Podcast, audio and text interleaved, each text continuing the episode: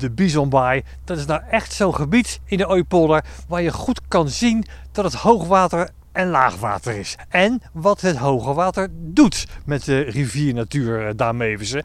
Het is uh, nou gemiddeld hoogwatergolfje nu hè. Ja, hij is een stukje lager dan een aantal weken geleden, een paar meters.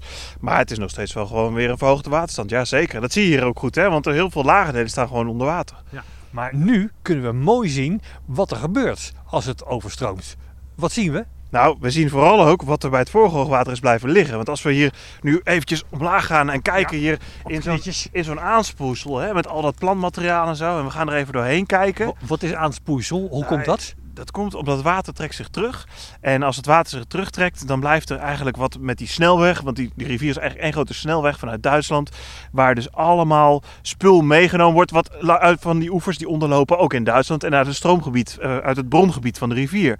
Dus wat we hier nu vinden is allemaal plantmateriaal. En ik zie ook slakjes en dingen ertussen zitten. Kijk. Alles wat drijft, dat komt dan ja, zeg maar op de vloedlijn terecht. En dan komt er gewoon een stukje, net zoals op het strand, de schelpen op een bepaalde uh, lijn liggen. Ja, bijvoorbeeld. Ja. dat is een goede vergelijking. En wij hebben hier dus allemaal plantmateriaal wat ik nu ook in mijn handen heb.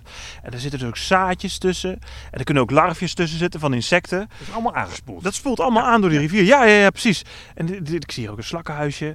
Dus dat, dat, maar dat is ook wel heel bijzonder, hè? Want er blijft dus ook zand liggen. En dat is een perfect zaaibed voor de plantjes die daarna weer, zeg maar, van vanuit die zaadjes weer uit gaan lopen. En daardoor leer je ook als boswachter iedere keer je gebied opnieuw kennen. Want er kunnen ook hele bijzondere plantjes meekomen, zoals bijvoorbeeld Brede Ereprijs. En, en dat zijn wel bijzondere dingen. Ook dat zand is weer voor zandbijtjes heel interessant en voor kevertjes. Dus ja, het is, dat laat ook wel weer zien hoe bijzonder die uiterwaarden zijn en wat, wat dat met die natuur doet alles wat hier nu op die vloedlijn ligt, ja, dat komt van hoger op de Rijn. Dus dat kan uit Nederland komen. Nou ja, een klein stukje Nederland nog hier bij de Ooi natuurlijk. Maar dat komt waarschijnlijk uit Duitsland of misschien wel uit Zwitserland. Dus er kunnen hele bijzondere dingen bij zitten. Er kan van alles in zitten. Echt, echt van alles. Het, het kan ook zijn, dingen zijn die je minder graag ziet.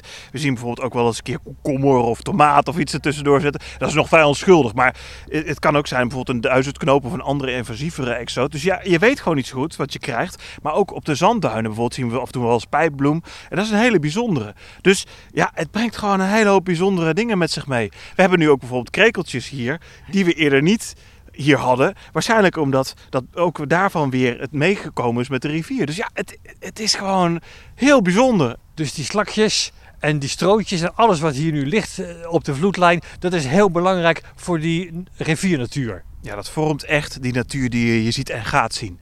En als je echt die effecten wil zien, dan moet je zo rond augustus, september eh, moet je het gebied bezoeken. En dan zie je ook echt dat dat uit gaat bloeien waar nu die zaden van hier liggen. Dus dat is, ja, iedere keer weer een, genot. Want wat nu aanspoelt, ja, dat kan je pas van de zomer zien wat er eigenlijk is aangespoeld. Hè? Ja, ja, ja, en dat is ook alweer uh, een deel van het avontuur. Mag je dit ook zelf doen? Zo op dat randje, strootjes, uh, die uh, vloedlijn, eventjes een, een handje pakken en kijken wat erin zit? Ja, natuurlijk. Dan kun je gewoon een keer even met je hand doorheen gaan en kijken.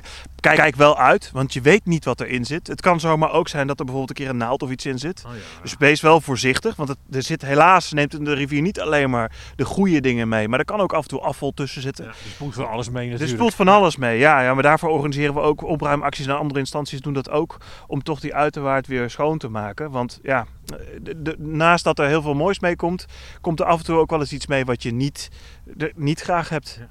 Maar zo'n hele strook vol met strootjes en alles wat daarin zit, ja, dat is een soort schatkamer, hè? Kilometers lange schatkamer.